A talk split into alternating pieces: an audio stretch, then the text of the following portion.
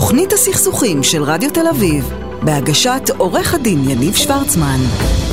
ערב טוב, עורך דין יניב שוורצמן, אבל הפעם זה לא בהגשת יניב שוורצמן, אלא זה בהגשת יניב שוורצמן ועורך דין יגאל בורחובסקי. יגאל, ערב טוב, מה העניינים? שלום יניב, מה שלומך? טוב מאוד. תשמע, אה, המאזינים, חלקם מי שעוקב אחרי בפייסבוק יודע, אבל אתה מצטרף להנחות את התוכנית באופן קבוע. זה אומר שמה שאנחנו רבים במשך 12 דקות בסוף התוכנית, יהיה לנו את כל התוכנית, אמרתי די, אני רוצה להכניס יותר, אה, יותר אקשן, גם ככה יש לנו, אז להפוך את זה לקצת יותר, אז קודם כל ברוך הבא, אה, כיף גדול לי. אה, שאתה מצטרף להנחות את התוכנית. ותשמע, אני רוצה, אני רוצה להתחיל ישר עם, השב, עם השבועיים האחרונים הנורא נורא קשים. ואני, היה דבר אחד שתמיד מטריף אותי, בשבועיים האחרונים במיוחד. תראה, אנחנו כל פעם שאנחנו פותחים את, את מהדורת החדשות, לא משנה באיזה ערוץ, זה 12, 13, 20, אה, אה, כאן, זה לא משנה מה, כל מה שאנחנו רואים זה רע. ישר אלימות. כל פעם מתחילים, עזוב, דקה 10, 5 דקות ראשונות סבבה, 10 דקות, רבע שעה כל הזמן מדברים על אלימות, זה יכול להיות אלימות עם החמאס, זה יכול להיות אלימות עם הערבים ישראלים, זה יכול להיות... וידיעה כל כך חשובה בעיניי, מצאתי אותה באיזשהו מקום נידח, אני רוצה להקריא לך אותה.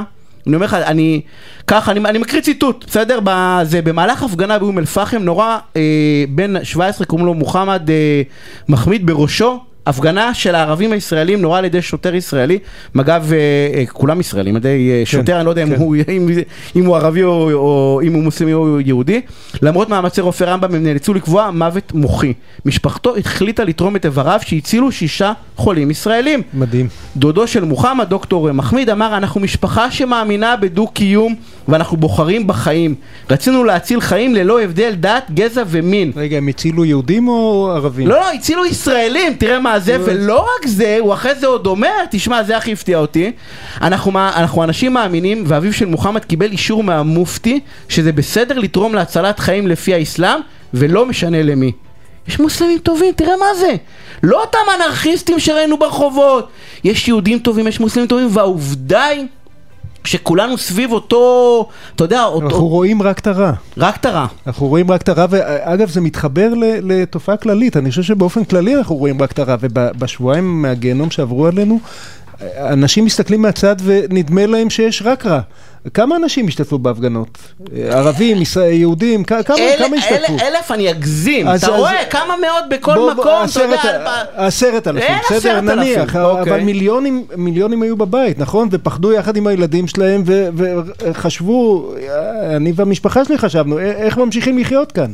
זה, זה, זה, זה, זה קשה, כי אם, אם מה שאתה רואה זה רק את הקיצוניים, אתה חושב שכולם קיצוניים, אתה חושב שכולם רוצים להרוג אותך, ואם זה מה שאתה חושב, אז אין איך ברירה. תתנהג, אין ברירה, אתה, אתה חייב. הקם להורגך, אתה חייב. אבל היו, היו כמה יוצאי דופן, אתה יודע, אנחנו, אנחנו צריכים לפרגן גם, נניח ראש לשכת עורכי הדין, שיצא אבי חימי באמצע הפרעות, יצא ואמר, אפס סובלנות לאלימות, אבל אנחנו רוצים כאן דו-קיום, או ועד העובדים של סלקום, או הסיפור המרגש שהבאת, אה, אה, אה, באמת, זה, זה איש קדוש. איש הבן שלו נהרג... הוא לא קדוש, לא, זה הם! הבן לא שלו לא נהרג... יגאל, זה לא קדוש, זה הם, זה מה שקדוש, זה אחד. בעיניי זה גדלות נפש. אחד, אני אומר, זה... בזמן שהבן שלך נהרג, שלא תהיה עם תאוות נקם, אלא תהיה עסוק בלעזור לאנשים, תשמע, אני... זה, זה מקור להשראה. זה אחד למיליון, אני בא ואומר, אני אומר, זה הם, וזה מדהים אותי, העובדה היא שאנחנו מתעסקים ברע, אני חושב, בסדר? שאולי הלקח, אני בחרתי דרך אגב לשים את זה אצלי בפוסט, בפייסבוק, למרות שאני בדרך כלל לא מדבר על פוליטיקה, אבל זה היה חשוב, ולהביא את זה לתוכנית, כדי להראות שיש שני צדדים, כמו שיש יהודים שתורמים לכולם שהם מתים, יש מוסלמים שתורמים לכולם, ו, ובאתי להגיד, אלה הם הרוב, אנחנו הרוב. אנחנו והם, כולנו אנחנו הרוב. אנחנו הרוב, אנחנו הרוב, ואסור לנו לתת לקיצוניים אה, אה, לגנוב אותנו, לגנוב לנו את השיח, לגנוב לנו את הדעת. והנה אנחנו מתחילים. תוכנית הסכסוכים של רדיו תל אביב, בהגשת עורך הדין יניב שוורצמן. ואני רוצה להגיד ערב טוב לעורכת הדין ריקי אופק אבן צור, מתמחה בדיני משפחה. אה, אה, מה העניינים ריקי? אני מצוין. תדעי לך שאת האורחת הראשונה שלנו מאז הקורונה, שנה. וואו. שנה, את הראשונה שמתראיינת פה באולפן, שזה מדהים. אז ברוכה הבאה, תשמעי, אנחנו הולכים לדבר על נושא שאותי הוא מרתק, ב... הוא, לא, הוא לא מרתק, הוא מטריד הרבה מאוד אנשים. הפעם הראשונה כמעט, שבן אדם נורמטיבי, בסדר? לא, שבן אדם רגיל, זה שלא, נתקל ברווחה, בעובד סוציאלית, זה בהליך גירושין. וזה, עולם, ו, וזה עולם כל כך מורכב, זו שפה שאנחנו לא מכירים, כאילו אנחנו לא יודעים מה זה פתאום, ששואלים אותנו על ההורות שלנו, בודקים אותנו, מה אנחנו, מי אנחנו. איך, איך, איך את ממליצה להתמודד עם ה... וזה גם חשוב, חושבים על הליך גירושים, עורכי דין, שופטים, אבל הכוכבת העיקרית שם היא עובד, העובדת הסוציאלית, כן, לא? כן, כן, לגמרי. Uh, טוב, קודם כל זה נכון, כי אנחנו אנשים נורמטיביים לא פוגשים את הרווחה. אה, יש גם אה, אה, דעה מאוד מפחידה, אנחנו אומרים עובדים סוציאליים, יש המון כתבות, דיברתם קודם על דברים קשים, אז תמיד אנחנו מקבלים כל מיני חדשות על כך שעובדות סוציאליות מוציאות ילדים מבתים ועושות דברים מאוד מאוד לא פשוטים, ואנחנו מגיעים להליך הזה מתוך פחד איום ונורא. עכשיו תבוא איזה עובדת סוציאלית ותכריע. אה, זה לא נכון? לא גונבים לנו את הילדים? אז א', לא ממש גונבים לנו את הילדים, אני חייבת לומר שאנחנו די, די גונבים אותם לעצמנו ודי מתנהגים בצורה של אה, נקם בתוך ההליך הזה. בתוך הליך גירושים. לא כולם, כן, אבל כן. לצערי הרב הרבה מאוד כן. Uh, העובדת הסוציאלית יש לה תפקיד נורא חשוב בתיק הזה, כי למעשה מזוג שחי ביחד, גידל את הילדים שלו בדרך כזו או אחרת, פתאום יש מישהי, ובדרך כלל אני אומרת מישהי כי יש גם עובדים סוציאליים גברים, אבל בתחום הזה הם מיעוט, הרוב הם נשים. כן. שהיא אמורה באמת להכריע מתי תראו את הילדים שלכם ואיך. באה לכם הביתה, בוחנת את ההתנהלות. וזה פחד. אה, וזה פחד, כן. וזה פחד. אה, וההכרעה שלה היא מאוד משמעותית, כי, כי השופטים אה, מקבלים מה שקוראים תסקיר, אותם העובדים סוציאליים אמורים להוציא איזשהו דוח. ולהגיד, תשמע, אתם הורים טובים או לא? האם אתם אה, ראויים לקבל את הילדים ליותר ימים, פחות ימים? שזה מדהים בעיניי. מה אתה אומר, איזה ציון היית מקבל איזה בתזכיר? כמה יש, עשר? אני לא, אני מפחד לחשוב.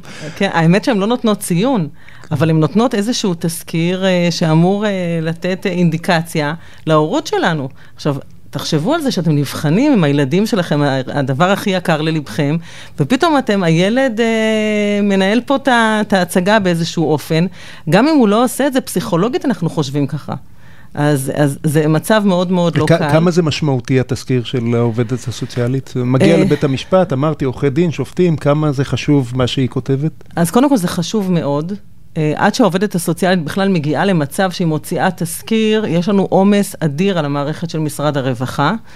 אה, אבל עד שמגיע אותו תזכיר, השופטים מאמצים אותו, אפילו מאמצים אותו במאת האחוזים, משום שאנחנו חיים במש... בצורת משפט אדוויסרית. אתם יודעים מה זה, אני אסביר למי שלא יודע, ששופט אחד מחליט.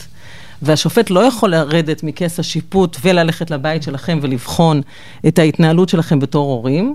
העובדות הסוציאליות הולכות גם למסגרות החינוכיות, גם לרופאים, לבחון בכלל אם יש אה, דברים חריגים, והשופט סומך על זה. ואז בדרך כלל השופט אומר, אוקיי, אותה פקידת סעד הוציאה תזכיר, בדקה אותך, אתה שם, אם אתה מילאת את התפקיד שלך כראוי, והשופט נותן לזה חותמת... כלומר, uh, בהסדרי ראייה בעצם הזירה העיקרית היא העובדת הסוציאלית, זה, זה מה שאת אומרת. אם יש מחלוקת, כן. מה שכן צריך לדעת לעשות, לא, לא לחשוש. זאת אומרת, כן צריך לדעת לבוא לבית המשפט ולבקש uh, לזמן אותה לדיון, לשאול שאלות. אה, ולקבל מענה. אבל איך, איך, אה, איך מתכוננים כשאתה איתה? מה, מה הדבר הנכון לעשות? איך מקבלים ציון גבוה במבחן מקבלים? המפחיד הזה? כן. אני אומר את האמת, קודם כל להיות אתה. אה, אני תמיד אומרת ללקוחות שלי, אל תעשו עכשיו, פתאום הבית יהיה מבריק 6,000 סירים ואתה לא יודע בכלל לתגן חביתה. תהיה, תהיה אתה. הן יודעות לזהות בתים שיש בהם דברים ש... טיקטים חדשים בסירים. שנקנו אה, אה, לצורך האירוע. כן, לצורך האירוע, פתאום הוא אה, ככה עושה ג'יגלינג במטבח וזורק פיצות לאוויר. לא, תהיה אתה, תהיה כן עם ההליך הזה. לא צריך לפחד, אני תמיד עושה להם הכנה לקראת ההליך הזה, לא לפחד, לומר את האמת. ו- ולבוא פתוח, כן צריך להכין אותם להליך, זאת אומרת, אה, לא להיכנס לאיזה בית שמתהלך שם איזה דינוזאור במטבח, אבל אה, לבוא עם, עם, עם מי שאתה ומה שאתה, ובסופו של יום אה, הדבר הזה עובד. אבל יש, מת... יש לי שאלה רגע, כן. הרי, הרי פה, אתה פוגש את העובדת הסוציאלית גם בפגיש, בפגישת מהות, נכון? זה עובדת סוציאלית רעה כמו בתזכירים? אה, אני מצטער עובדות סוציאליות. לא, לא, לא, בסדר. נו, עזוב, אני חבר בכל מיני פורומים. הבנתי. אז אה, אני אומר ככה, קודם כל יש הבדל... מגיע ללמוד עבודה סוציאלית זה נשמות טובות. הנשמות טובות. כי המערכת משחיתה, יגאל, אבל אנחנו נדבר על זה בהזדמנות אני חייבת לומר שאני ניסיתי להעביר איזה חקיקה, רק אין לנו ממשלה. תתכנסו. והגעתי לכנסת, אמרתי להם, תקשיבו, צריך להוציא להם את הסמכויות, אבל זה זה, זה שיחה בפני עצמה, כי זה לי כעורכת דין וגם מישהי שהייתה בא כוח היועץ המשפטי לממשלה באפוטרופוס הכללי, מאוד הפריע. אבל לשאלתך, אני אענה לך. על המהות, שאני פוגש על המהות. לאותה עובדת סוציאלית, אני לא. צריך גם שמה לחשוש? לא, א', אתה צריך תמיד לחשוש. לא, באמת. אה, לא. באופן כללי לא, אתה חושב באופן כללי, אתה? יוצא מהאולפן, תתחיל לפחד שלא יעוטו עליך כמה עובדות סוציאליות עכשיו. אבל בוא נהיה רגע רציניים, כי למען מי ששומע אותנו. העובדות הסוציאליות של המהות הן לא אותן עובדות הסוציאליות, אלה עובדות סוציאליות שקיבלו... הכוונה כדי אה, אה, להוריד עומס מבתי המשפט, שזה לא עובד. תסלחו לי מי ששומע אותי. איילת שקד, אה, שהייתה אה, שרת המשפטים שלנו, החליטה באמת להוריד את העומס. אותן עובדות סוציאליות שואלות אותך, תגיד, למה באת לבית המשפט? בוא נראה איך אפשר לעזור, והן כן בקיאות בהליכים של פחות או יותר כמה מזונות צריך לשלם, מה זה משמורת משותפת שכולנו מכירים, מה זה תשלום מזונות, אבל הן לא אלה שבוחנות את התיק, הן לא אלה שיושבות בלשכות הרווחה. אה, אז הן בעצם אמורות להכווין, הן סוג של אה. מהות, מי שלא יודע זה מידע, היכרות ותיאום, אז אה, הן עובדות סוציאליות שמוכוונות, פתרון- אני לא יודע אם פתרונות, אבל מוכוונות אה, אה, להביא את הצדדים ל- לא לבית משפט, להוציא את הצדדים מבית משפט. אני, אני, אני כן. רציתי ככה ב, בזמן הקצר שנשאר לנו, אה, כמה עצות פרקטיות, אם אני מתכונן למבחן הזה עם העובדת הסוציאלית, מה, מה לעשות? שפסיכולוגית תכין אותי, ללכת לעורכת הדין שלי, מה, מה אז לעשות? אני אומר כך, קודם כל, אה, אה, אם, אם אתה הולך כבר לפסיכולוגית, אז תלך לפסיכולוגית שתרגיע אותך, אבל, אבל אני כן חושבת שצריך לקבל ייעוץ משפטי נכון, להכין אותך להליך הזה, כי זה הליך מאוד לא קל שאדם זר נכנס אליך לטריטוריה, ובעצם הוא מכריע בעתיד שלך מול הילדים. ומה מה הייעוץ? מה את מייעצת? אני מייעצת קודם כל להיות אה, מאוד פתוח. ומאוד אה, אה, ישר וכן, לא לומר שום דבר רע על הצד השני, אה, משום שניכור הורי זה משהו שבתי המשפט נלחמים בו אחרי שסיימו על פניו את נושא שזה המזונות. ההפך מהאינסטינקט, אתה באמצע מריבה, אתה כן. רק רוצה להסביר רק- לה כמה הצד השני מפלצת, את אומרת לא, זה לא לא, עובד. להימנע זה- מזה, משום שברגע שהן מזהות ניכור הורי, חשוב. הדבר הראשון שהם יעשו זה יפחיתו את הסדרי השהות ויגידו, יש פה בית עוין, צריך להרחיק את הילדים מהסיטואציה. אז לא, לא לשתף אותה במאבקים המשפטיים, להסביר לה כמה ילדים חשובים לך, כמה אתה רוצה לראות אותם, כמה אתה מעורה בחיים שלהם, והבחינה הזאת בעצם לא, לא נעצרת רק מולך, אלא הן גם באמת בודקות את זה מול אה, אה, מוסדות החינוך שבהם הילדים אה, לומדים, אבל ממש להיזהר מאותם מוקשים שאנחנו עורכי הדין, זה, זה להיות אמיתי, לא, לא לדבר סרה על הצד השני, שהבית ייראה, אני אומרת את זה בכנות, סביר. סביר. כן? כן. אה, ולא לשתף אותה יותר מדי בהליכים המשפטיים. יש לי, יש לי שאלה, בתחושת בטן שלך כמי שמייצגת, הן מעדיפות נשים? אה, אני, אני מתלבטת על התשובה שלי. יכולה אה, להגיד כן, ויהיה מעניין. אז אה, אם לא. הם, אה, אני, אני לא יכולה לומר את זה, משום שהתפיסה השתנתה מאוד. בעבר זה היה בילד אין, ילדים הולכים עם האימא, האימא ילדה, האימא מגדלת. וזה לא חל ככה שינוי. היום? לא, לא, זה, א', זה לא חל ככה, אה, בטח אתם מכירים את ההלכת אה, אבעם המפורסמת שעשתה שינוי גם במזונות וגם בתפיסה שאבות אוהבים את הילדים בדיוק באותה מידה, למרות שהם לא ילדו את הילדים, אבל אין שום אה, קשר, והתפיסה השתנתה, ולכן גם הניכור הורי נהפך להיות מלחמה מאוד אה, אקוטית. וברוב המקרים, אה, זה לא נכון להגיד שגם היום, בגיל קטן, אה, אימהות מקבלות משמורת? לא, אני, אני אומר כך, יש ברוב לנו, המקרים, ברוב לא- המקרים, אבל לא ממש, כי יש שופט אה, מתל אביב אמיץ מאוד, אה, השופט ארז שני, שהוא באמת הכריע בפסק דין, שאני חושבת שהוא פסק דין מדהים, שאפשר לעשות גם משמורת, אפשר לקיים, סליחה, משמורת משותפת, גם עם ילד בגיל שנה וחצי. והבעם הזה, אותו פסק דין אה, יפהפה של בית המשפט העליון, שהשופטת ארז בעצם אה, הייתה השופטת המרכזי פה, דיב- דיבר על מגיל שש, וארז אמר, למה? כל עוד האימא לא מניקה, מה, אבא לא יכול להתמודד עם הילדים? אנחנו צריכים לסיים, אגיד בזה שדיון מעניין זה שארז שני הוא גבר, ו... ועובדות סוציאליות עם נשים, והשאלה אם יש איזושהי הטיה, קוגנ- הטיה, בסדר? באיך שאנחנו מתייחסים על האבהות ואימהות. אנחנו צריכים לסיים, ריקי, אני רוצה להודות לך על הפינה הסופר סופר מעניינת הזאתי. תודה רבה. תודה לכו רבה. תתייעצו, אני לפחות, מה שלקחתי מהפינה הזאתי, זה בהפוך על הפוך, אם אתם מנסים לשכנע שאתם הצד הטוב, אתם תהיו הצד הרע. נכון. ב- אז, אז פשוט תהיו טובים. כן. אה, אבל תראה יגאל, תראה מה זה, מרוב שהתרגשתי שאתה פה איתי באולפן, שכחתי להודות, להודות לאיתן אה, בלכטר שנמצא איתי על התפעול הטכני, לענבר אה, סולומון שמפיקה ועורכת, ולאייל טל שעזר לנו להביא את האנשים הסופר מעניינים האלה. תודה לשלושתכם, הפסקת פרסומות וכבר חוזרים. תוכנית הסכסוכים של רדיו תל אביב, בהגשת עורך הדין יניב שוורצמן. ואני רוצה להגיד ערב טוב לדוקטור נמרוד רוזלר, מרצה בכיר במחלקה לניהול ויישוב סכסוכים באוניברסיטת תל אביב. נמרוד, ערב טוב, מה נשמע? שלום נמרוד. אהלן יניב. יושב איתי פה יגאל, תשמע, האמת היא שהוא גילה אותך. הוא אמר לי, תשמע, יש פודקאסט שחייב, חייב לשמוע עם איזה מרצה מרתק, ואני הלכתי לשמוע. אני, אני שמעתי אותך שעות ולא, וממש הצטערתי זה נגמר. תודה רבה. שינית, שינית איך, איך שאני מסתכל על העולם. יאללה, עכשיו אחרי שהרמנו יגאל, הוא צריך גם לשנות את, ה, את המאזינים. תשמע, אתה עוסק בסכסוכים, נקרא לזה, של קבוצות, של עמים, של מדינות. נכון. של הרבה אנשים. ו- ואותי מעניין האם הסכסוך שלנו עם הפלסטינים הוא סכסוך שונה מסכסוכים אחרים בעולם. אז תראה, אני יכול לספר לך ש... השאלה אם אתה שואל אותי, או אם אתה שואל את הציבור הישראלי. אני אגיד לך כמה מילים על זה, למה אני מספר את זה, ואני חושב שגם ככה, גם בשיחה המקדימה דיברנו על זה. התפיסה של אה, רוב העמים שנמצאים בתוך סכסוכים קשים, ואנחנו ביניהם, כמו כל שאר העמים, כן? אה, תמיד התפיסה הזו שהסכסוך שלך הוא הסכסוך הכי קשה, הכי מיוחד, הכי שונה, שקשה ואי אפשר בעצם להשוות אותו לשום דבר אחר, ואף אחד אחר לא ממש יצליח להבין אותנו. אנחנו ראינו את זה ממש עכשיו בסיבוב אה, הלחימה האחרון, שכאשר הייתה ביקורת על ישראל, אז כולם אמרו, הם לא מבינים אותנו, הם לא יודעים, הם לא מבינים מה זה הסכסוך הזה. זה סכסוך אחר מה שיש לנו, ובאמת בסקר של מדד השלום שעשינו לפני שנה וחצי, מצאנו ש-60% מהישראלים חושבים שהסכסוך בין ישראל לפלסטינים שונה מאוד או שונה בהשוואה לסכסוכים קשים בעולם. עכשיו, הנקודה הזאת היא נקודה מאוד ברורה, מאוד אנושית. כאשר אתה נמצא בתוך חוויה מסוימת, אז זה ברור שאתה מכיר אותה מאוד טוב לפרטי פרטים, וקשה לך להאמין שמישהו אחר יוכל לחוות את אותו הדבר. אבל כאשר אנחנו מסתכלים על סכסוכים קשים, אלימים וממושכים במקומות אחרים בעולם, לפתע פתאום אנחנו רואים שמתגלים הרבה מאוד נקודות דמיון. ואולי נקודות הדמיון האלה נובעות מדבר מאוד טריוויאלי. מי שתמיד מעורב בכל הסכסוכים האלה בכל רחבי העולם הם בני אדם. ואנחנו כבני אדם, יש לנו מאפיינים מאוד דומים. אנחנו תמיד רוצים לראות את הקבוצה שלנו בצורה חיובית.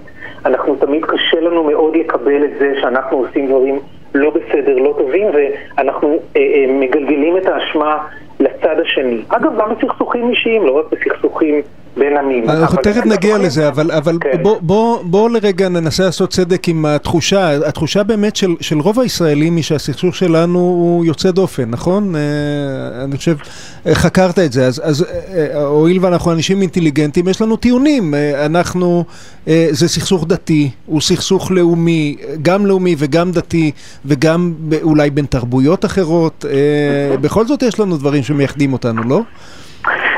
כמעט, בגלל שאם אנחנו מסתכלים על סכסוכים קשים אחרים בעולם, אנחנו נראה שגם הסכסוך בצפון אירלנד, שהתקיים במשך מאות שנים, היה בין פרוטסטנטים לבין קתולים, כאשר הממד הדתי בו היה מאוד מאוד חזק. הרבה פעמים כשאני מספר את זה לאנשים, הם אומרים לי, כן, אבל מה אתה מדבר? הם כולם הם כולם נוצרים, כן. נכון, אנחנו רק שוכחים שמלחמות הדת באירופה, כן, שהתנהלו במשך מאות שנים, מאות שנים. גבו מיליוני קורבנות. אז ההיבט הזה של הדת קיים שם, ההיבט של הלאומיות קיים שם בצורה מאוד חזקה, הפרדה בין אלה שרואים את עצמם כבריטים ואירים. אם אנחנו הולכים לסכסוך בין הודו וקשמיר, אנחנו רואים גם שם שיש לנו שם סכסוך, סליחה, הסכסוך בין הודו ופקיסטן. פקיסטן, שמתבטא כן? בקשמיר, כן. שמתבטא בקשמיר, גם שם יש לנו היבט לאומי מאוד חזק, היבט דתי מאוד חזק.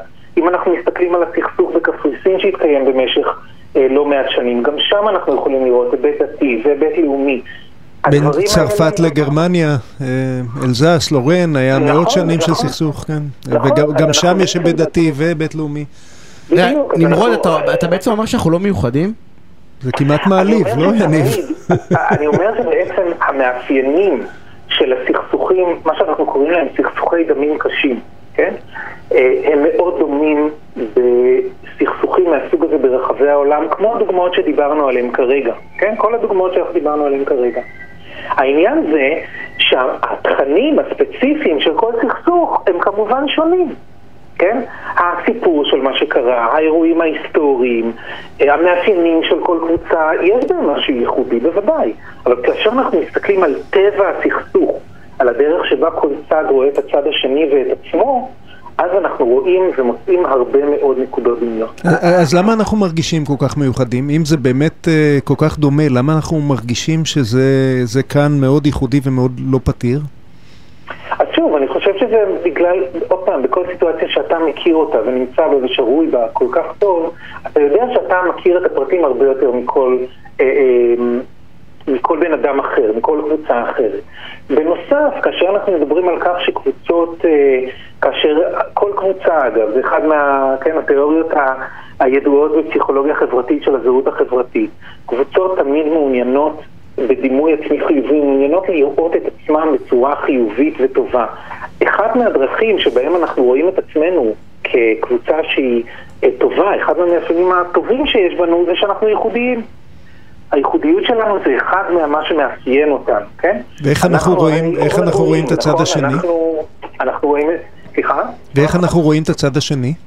עכשיו, ראייה של הצד השני היא הרבה פעמים, וזה אנחנו יכולים לראות בכל פעם גם שקורית אסקלציה בסכסוך, כן, הסלמה של הסכסוך הישראלי-פלסטיני, הראייה של הצד השני היא מאוד מאוד אחידה. הצד השני הוא זה שמתחיל, הוא זה שבגללו הסכסוך קורה, הוא זה שבגללו הסכסוך נמשך, הוא זה שפוגע בנו בכוונה תחילה, אנחנו רק מתגוננים. הראייה של הצד השני היא בעצם תמונת הראי של הדימוי והתפיסה שלנו את עצמנו.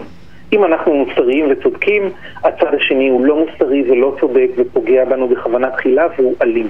נמרוד, יש לי שאלה. בצפון אירלנד אמרת זה מאות אה, שנים היה את הסכסוך הזה, סכסוך אלים מאוד, מי שלא מכיר אותו היה מאוד מאוד אלים. אני זוכר עוד פעם מכוניות תופת, יצא לי במסגרת התזה מכוניות תופת, ובאמת כאילו מאוד מאוד אלים, והם הגיעו לפתרון. למה, למה אנחנו לא מצליחים להגיע לפתרון? למה אנחנו, למה... עוד לא הגיע, עוד לא נגמרו המאות שנים שלנו. אה, אנחנו צריכים לסבול כאילו מאות שנים יש קילומטראז', יש בזם, זה לא ככה... זה עניין של זמן סבל כאילו?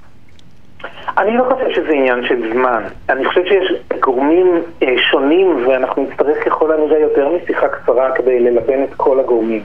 אבל אם אתה שואל אותי כיצד נפתר הסכסוך בצפון אירלנד, שזה היה אחד מנושאי המחקר שלי, אז אפשר לראות שהייתה שם התכנסות יחד של כמה גורמים. הייתה שם עייפות גדולה של שני הצדדים מהאלימות, וחלחלה בעצם ההבנה שאף צד לא יוכל לנצח ולהכריע צבאית את הצד השני. הייתה שם מעורבות בינלאומית מאוד אינטנסיבית, גם מצד האיחוד האירופי, גם מצד ארצות הברית, וגם מצד בריטניה ואירלנד. ואנחנו יכולים לראות שגם הקבוצות, מה שנקרא, אגב, עוד היבט שאני ככה אה, אה, חוקר, של קהילות גולה שקשורות לסכסוכים. אז נניח הקהילה האירית בארצות הברית, שנתנה הרבה מאוד שנים תמיכה למאבק הזה, כסף ותמיכה דיפלומטית ופוליטית, גם היא הפסיקה את התמיכה שלה, ובעצם הייתה לנו התכנסות של כמה וכמה גורמים, גם פנימיים, גם חיצוניים, שהביאו לזה שהסכסוך היה יכול להגיע להפסקת אש. ומתוך הפסקת האש הזאת, נפתחו, נפתח משא ומתן שכלל את כל הצדדים. היה שם באמת משהו מאוד מאוד מעניין. בעצם הציעו לכל הצדדים להצטרף למשא ומתן, והתנאי היה, אם אתם נוצרים את האש, תוכלו להצטרף למשא ומתן. אם לא, אתם מחוץ לרכבת. הרכבת של המשא ומתן יוצאת לדרך. זה... וכולם הצטרפו, כולל כל הארגונים האלימים ביותר, היו חלק מהמשא ומתן וחלק מההסכם. זה, זה, זה מעניין שאתה אומר, אה, אה, הדבר הראשון שאמרת זה עייפות. אה, אה, כלומר, מה שיביא שלום זה לא רעיונות גדולים, זה עייפות ותחושה של לא ננצח במילא. זה, זה, זה ניתוח נכון? אה? של עמדתך? אני חושב, אחד, אחד המחקרים שאנחנו ממש לאחרונה פרסמנו עוסק במחירים של הסכסוך. הרי כל קבוצה שנמצאת בסכסוך משלמת מחירים מאוד קשים. השאלה מתי המחירים האלה הופכים להיות משהו שאנחנו תופסים אותו כמשהו שהוא לא הכרחי, כמשהו שבעצם אפשר להימנע ממנו. רק ברגע שאנחנו רואים את אותה הקרבה כמחיר שאנחנו משלמים ושאפשר להימנע ממנו, אני חושב שזאת נקודה מאוד משמעותית שיכולה להוביל לשינוי התפיסה, ובדיוק לאותה נקודה שאתה אה, שמת לה את הדגש של העייפות. כלומר, כל, כל עוד אנחנו מאמינים שהצד השני קיצוני לא מוכן לשום פתרון, בעצם לא יהיה פתרון, כי אין טעם לשלם את המחירים אה, בדרך לפתרון אם הוא, אם הוא לא ריאלי.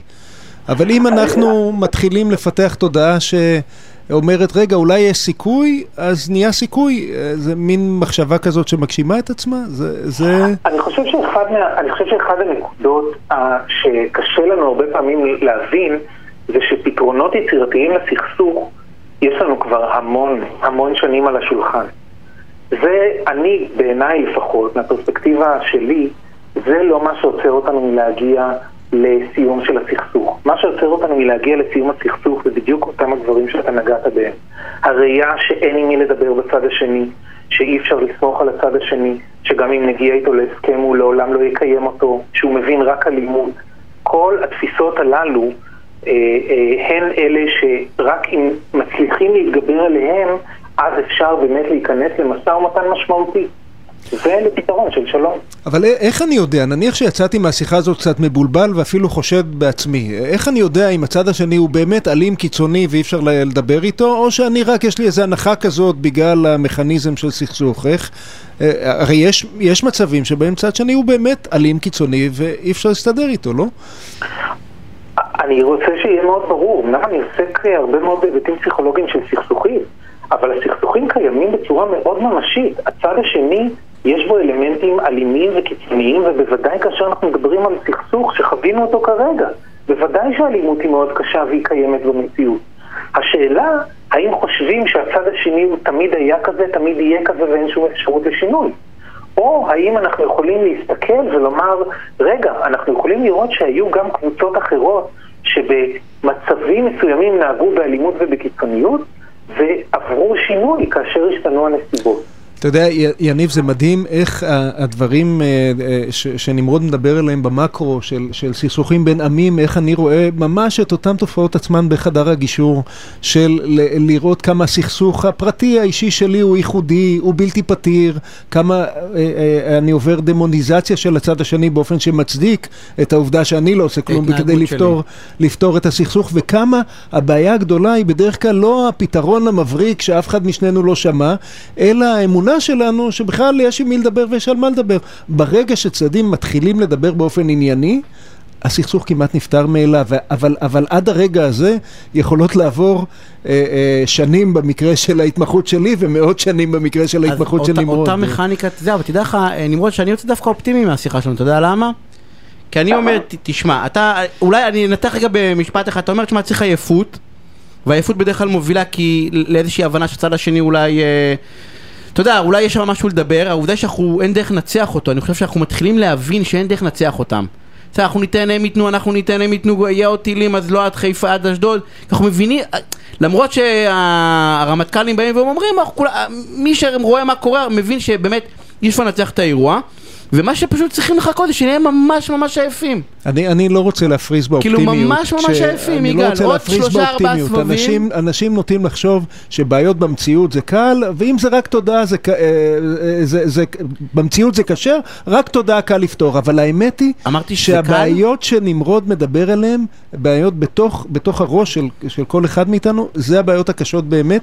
ואני, אני, אה, נמרוד, אתה, אתה כל כך מבין בזה, אתה יכול עד לשבוע הבא בתוכנית אה, לסגור לנו את הפינה הישראלית-פלסטינית, אתה יודע, בנוסח האירי, אה, גרמני, צרפתי, אה, איזה, איזה, איזה שתרצה. זה... אנחנו נראה... אני, אני יכול להבטיח שאני אעשה כן. כל מאמץ, אבל אני יכול להבטיח שגם אם היו קשובים אלינו אותם מקבלי ההחלטות, אני חושב שהיה יכול להיות אחרת. הלוואי שזה מה שיהיה, אני יכול... לא, אם יהיו קשובים אלינו, נמרוד, אם יהיו קשובים אלינו, הם לא יהיו מנהיגים, אתה יודע, לא ייבחרו, לא, לא, לא בטוח, לא בטוח, רגע, אנחנו חייבים לסיים, חייבים לסיים, יגאל, חייבים לסיים, נמרוד משפט אחרון. מה שרציתי להגיד זה שאת הקופירייט, כן, את הזכויות יוצרים להבנה שהחסמים הפסיכולוגיים הם אלה שעומדים בפנינו, זה לא שלי ושלא של אף חוקר. מי שאמר את זה היה אנואר סאדאת שבא לנאום בכנסת ואמר שזה 70 אחוז מהבעיה. אלה היו המילים של סאדאת. Hmm. הנכונות שלו להכיר בזה וההפתעה של הציבור הישראלי שהוא היה מוכן לבוא לפה ולתת לנו את ההכרה הזאת, יצרו שינוי הגדול ביותר שאנחנו יודעים עד היום, סכסוכים שישראל הייתה מעורבת. הלוואי ויהיו עוד כאלה, נמרוד אני רוצה אותך לספינה הסופרמנט הזאת, תודה רבה, ואנחנו יוצאים להפסקת פרסומות קצרה וכבר חוזרים. תוכנית הסכסוכים של רדיו תל אביב, בהגשת עורך הדין יניב שוורצמן. ויגאל בורחובסקי, אנחנו שומעים את האות, אומרים, רגע, יחברו אותנו גם ללייב, שישמעו אותנו, נכון? רגע. אה, אני רוצה להגיד, רגע, רק תעשה שם זה, נהדר, יופי. אני רוצה להגיד ערב טוב לעורך דין איתמר פנץ, ראש תחום ההתחדשות העירונית במשרד סולומון ליפשיץ, סגן יו"ר לשכת עורכי הדין מחוז תל אביב ויו"ר הוועדה להתחדשות עירונית איתמר, ערב טוב. שלום איתמר. אהלן, ערב טוב, פנץ. ונמצא, ונמצא איתנו עורך דין אה, אורי ורשבסקי. ורשבסקי, ורשבסקי, אני את האורי שאלתי ורשבסקי. תגיד, איך בתוכנית של שוורצמן ברוכובסקי אתה מפשל עם ורשבסקי? ברוכובסקי לקח לי שלושה חודשים אה, ללמוד את השם, אז פה פעם ראשונה. שותף במשרד עורכי דין גרוס, מרכז תחום ההתחדשות העירונית במשרד. ערב טוב, מה העניינים? ערב טוב. תשמעו, אנחנו הולכים לדבר אה, על אה, שני דברים, נתחיל בראשון בעיניי הכי חשוב, בסדר? ניתן פסק דין חדש ישן, הוא החדש בגלל שהעליון דחה ערעור בעניין שלו ואני אגיד מה אני הבנתי ואתם תנסו לתת לי איזשהו הסבר או ביחד שבעצם היו רוכשים שרכשו דירה חדשה מקבלן שבנה תמ"א 38 נכון והקבלן פשט הרגל mm-hmm. ובית משפט החליט בעצם אה, שחסר כסף ו... ובגלל זה אז הרוכשים אה, יבטלו את הערת האזהרה שלהם זה אומר שאם הבנתי נכון שהם יישארו בלי בית ובלי כסף איתמר אני צודק? אה, כן, אתה צודק בשורה התחתונה אז אפשר ללכת הביתה נראה לי, לא? כאילו בוא נסגור את הטעם ונלך הביתה. לא, אתה לא שמעת את ההנחה לפני הכן. אה, אה, אה, תעמיק, תעמיק קצת איתנו. אני אומר משהו בבסיס, אם יורשה לי בהקשר הזה. תראו, קודם כל זה פסק דין שהוא, כשקוראים את הנסיבות שלו ואיפה הוא נולד, פסק דין מאוד חריג בנסיבות מאוד מאוד חריגות. כל הערכאות שקיבלו החלטה בנושא תיארו את הנסיבות המאוד מאוד חריגות. שהובילו בסופו של דבר לתוצאה, שקוראים את הנסיבות, למעשה אה, לא הייתה תוצאה אה, אפשרית אחרת, אה, למעט להביא כסף מהירח פחות או יותר, כי בסופו של דבר, כשמסתכלים על המקרה, מדובר על, אם נסתכל לא על רוכשי הדירות, אלא על אותם אה, בעלי דירות שהתקשרו בעסקה לביצוע של תמ"א 38 עיבוי וחיזוק, אי שם ברמת גן, להרבה שנים אחורה. וכל מה שהם רצו זה בסוף לראות את הבניין הזה נבנה. אה, מוצאים את עצמם מול שוקת שבורה. עכשיו, זה די טרגי, התוצאה היא טרגית לגבי רוכשי הדירות, אין ספק.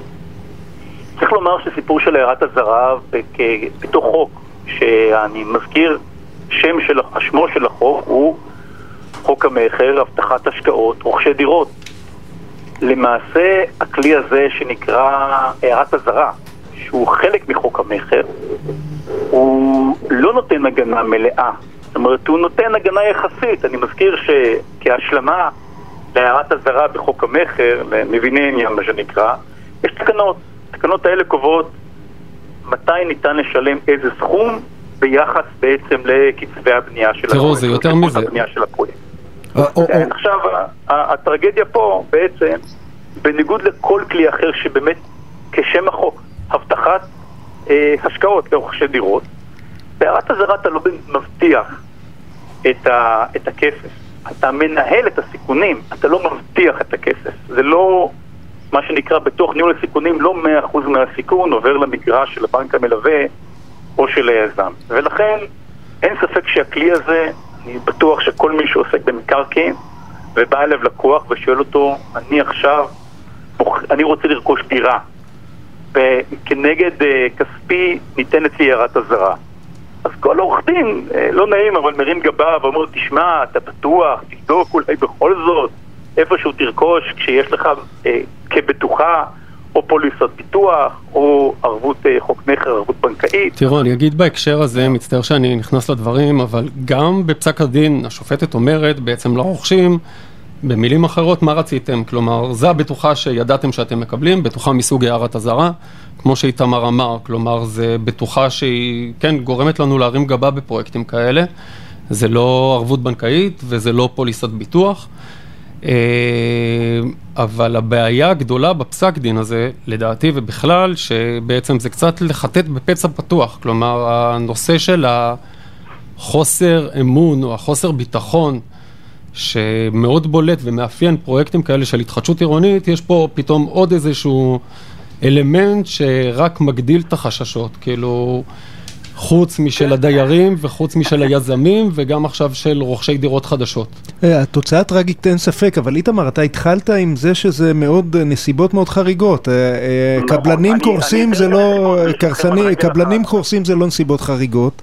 ולצערי לא, גם תמ"א אחד עם הערת אזהרה, גם זה לא נסיבות כל כך חריגות. נכון, וגם בבית משפט, גם שם אמרו, כאילו, ידעתם למה אתם נכנסים, כלומר, בחרתם במודע להיכנס. יש לי שאלה אבל לשניכם. רק שאלה... אני אתאר לכם את הנסיבות החריגות. הנסיבות החריגות זה פה אנחנו מכניסים קצת מקרקעין עם כל מה שנוגע לעולם של חדות פירעון וכן הלאה. הרי משם בסופו של דבר באו והגיעו אה, לתוצאה המשפטית. צריך לומר שאם בעלי הדירות אה, היו מסוגלים למלא את קופת הכינוס, אה, בעצם לממש את הפרויקט מתוך מימון עצמי שלהם, שזו אמירה לא פשוטה לאדם פרטי. לא, זה גם אמירה לא טריוויאלית, כי בעלי הדירות לא אמורים לעשות את זה. אני רק אדבר על הנסיבות הלא פשוטות. חשוב לדבר מהן הנסיבות הלא פשוטות. הנסיבות הלא פשוטות הן שנמכרו כאן במסגרת הפרויקט הזה דירות במחירי חסר. יש פה לפחות ארבע דירות מתוך עשר דירות בסך הפרויקט, שככל הנראה היו מחירים, מה שנקרא, למקורבים. קרובי משפחה וכל מיני של אותו יזם שלימים אה, הגיע למצב של חדלות. אה, נעשו בתוך הליכי הבנייה, הוצאו אה, פעולות בנייה שהן מנוגדות להיתר, לא רק מנוגדות להיתר, פולשות בקונסטרוקציה לשטח ליד. זאת אומרת, לתקן את כל הליקויים, להחזיר את הדברים כך שיוכלו להיבנות וכן הלאה, היה צריך להכניס פה את הכיס. איתמר, אני מתפרץ, יש לי שאלה, אבל בסדר? אני... כן. אגב, וצריך לומר משהו, הפרויקט הזה כדבר שבעובדה, לימים נמכר לצד אחר. שם במסגרת זה למעשה הפרויקט הזה המשיך להיבנות ולהיות מתוקן, פשוט בעלי הדירות לא הסכימו, הרוכשים, למלא את קופת הכינוס, ולמעשה מצאו... ובצדק. למה בצדק? כי יש לך פרויקט פה כושל, יש לך פה קבלן... לא, איתמר, שנייה רגע, לא, לא, אני רוצה רגע להבין משהו, אבל בסדר? כי פה התחלת להגיד בצדק, אה, אה, אורי, ואני רוצה רגע להבין משהו. למה אה, דייר חשוב יותר מרוכש. עזבו רגע את הקומבינות שם שמכר לאשתו ומכר לאבא שלו, אני שם את זה רגע בצד, כי אותם צריכים לצורך העניין להגיד להם תודה רבה, תסתדרו. אבל למה אני... בוא לא נתבלבל, בוא נזכור מה התכלית של הפרויקטים האלה. ההתחדשות העירונית הזאת, ובטח אנחנו רואים את זה במציאות שבה אנחנו נמצאים היום, היא חיזוק מבנים וגם מיגון מבנים. אה, ולתת מענה לבעיה שקיימת, לבעיה שהיום לצורך העניין יש עדיין בסדר גודל של 80 אלף מבנים בישראל שעדיין לא ממוגנים ועדיין לא מחוזקים. המטרה של התוכנית הייתה בראש ובראשונה לפני הרווח הכלכלי והרווח היזמי היא לחזק את אותם מבנים. ומכאן שבראש ובראשונה יש עדיפות לדיירים שחיים באותו מבנה שהוא מבנה, לא נקרא לו הבעלים לצורך העניין, הבעלים במבנה מסוכן, וכן, יש עדיפות לאפשר לבעלים בדירה קיימת שהדירה שלו תהיה ראויה למגורים, גם במקרה הזה, וזה גם מה שאומרת השופטת, על חשבון אותו רוכש קוצה, קצה של הדירה החדשה. אתה, אתה בעצם אומר משהו מאוד חשוב, אורי, אתה, אתה, אנחנו מתייחסים ל... אני קוטע את הקודחים, אבל מה הייתה התוצאה ובואו רגע נעשה תרחוש כזה בראש שלנו. אם. השופטת לא הייתה מוחקת את הערות הזרה, התשובה היא שאם תראו הייתם מגיעים לדדלוק. כי למעשה היה בניין. נכון, וזה רק מחזק את הנקודה הזאת, שבאמת... כל הליכים משפטיים למעשה מומנו שם עורכי דין, אבל כל מומחי בית המשפט, כולם, אני לא יודע, על הירחם, הם יקבלו את כספם על שכר טרחתם פה.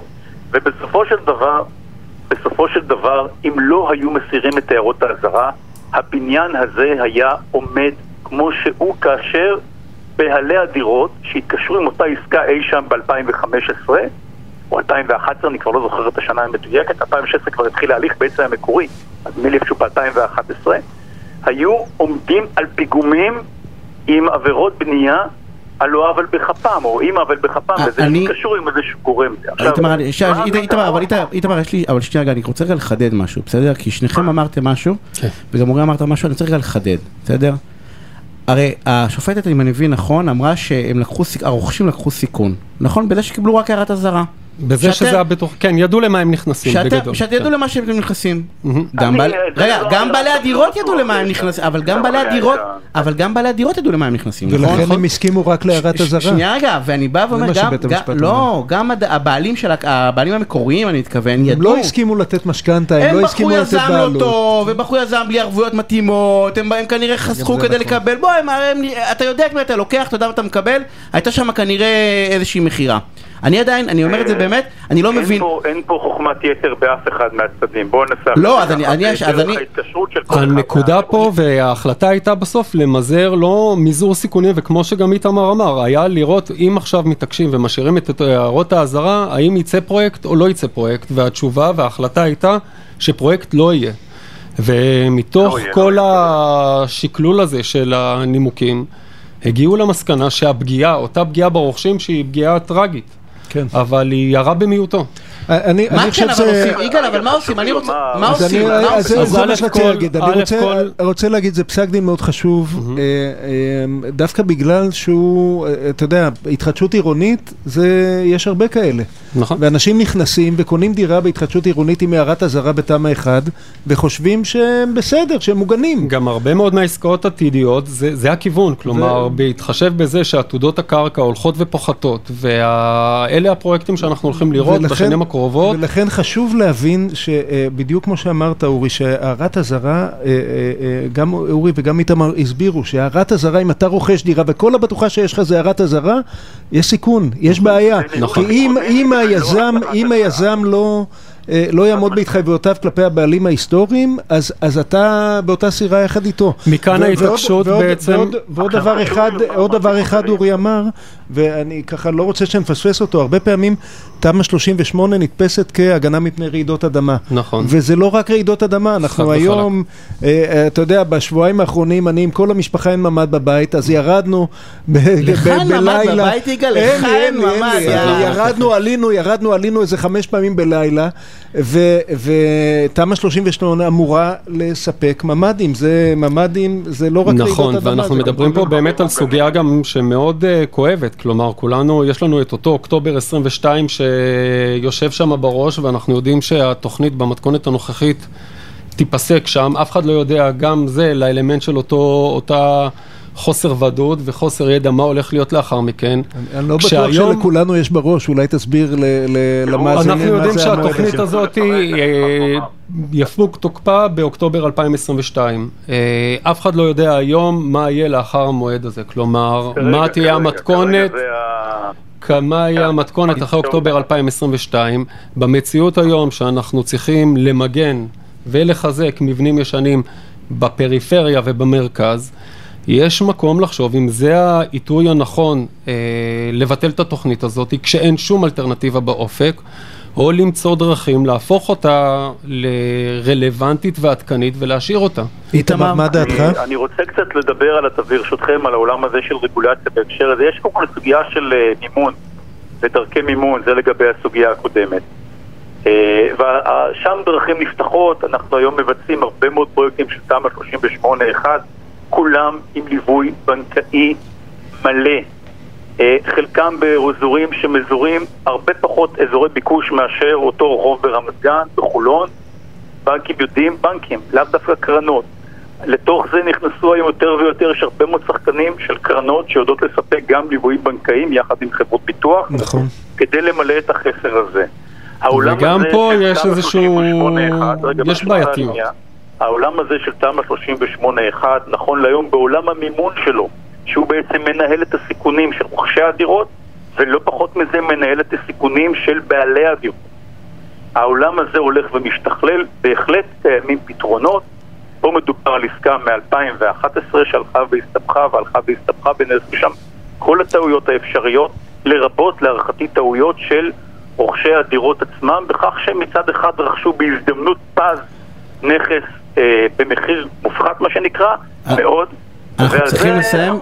אין מציאות בחיים. תגידו, רגע, רגע, שאלה, שאלה, שאלה. אין שאלה, נזמין אותם שוב פעם. אוריס, משפט סיכום אתה? חייבים ליצור ולתת ודאות בתחום הזה, לחשוב מה קורה אחרי אוקטובר 22, לתת את הפתרונות בשביל שלא להבריח יזמים ובראש ובראשונה לראות איזה פתרון נותנים לחיזוק ולמיגון מבנים קיימים. יש לנו היום 36 אלף מבנים בפריפריה שעדיין לא ממוגנים. איתמר תודה, אורית תודה, אנחנו צריכים לסיים. אה, לקראת סיום, יגאל תודה רבה על התוכנית הראשונה, בכלל שפה ואנחנו מזמינים אורחים, אז היה לי כיף גדול. אה, אה, ואנחנו ממש ממש, אה, יהיה לנו עוד כיף בהמשך. אני רוצה להודות לאיתן בלכטר שהיה פה על התפעול הטכני, לענבר סולומון שערכה והפיקה את התוכנית הסופר מעניינת הזאת לדעתי, לאלטל טל שיבי את המומחים הסופר מעניינים. דני סידס יהיה מיד אחריי, יהיה ממש מעניין כרגיל, תישארו. אתם, באתי להגיד תשמרו על עצמכם אבל אין קורונה, באתי להגיד תשמרו על עצמכם אבל אין מבצע, יגאל, הכל, הכל שקט.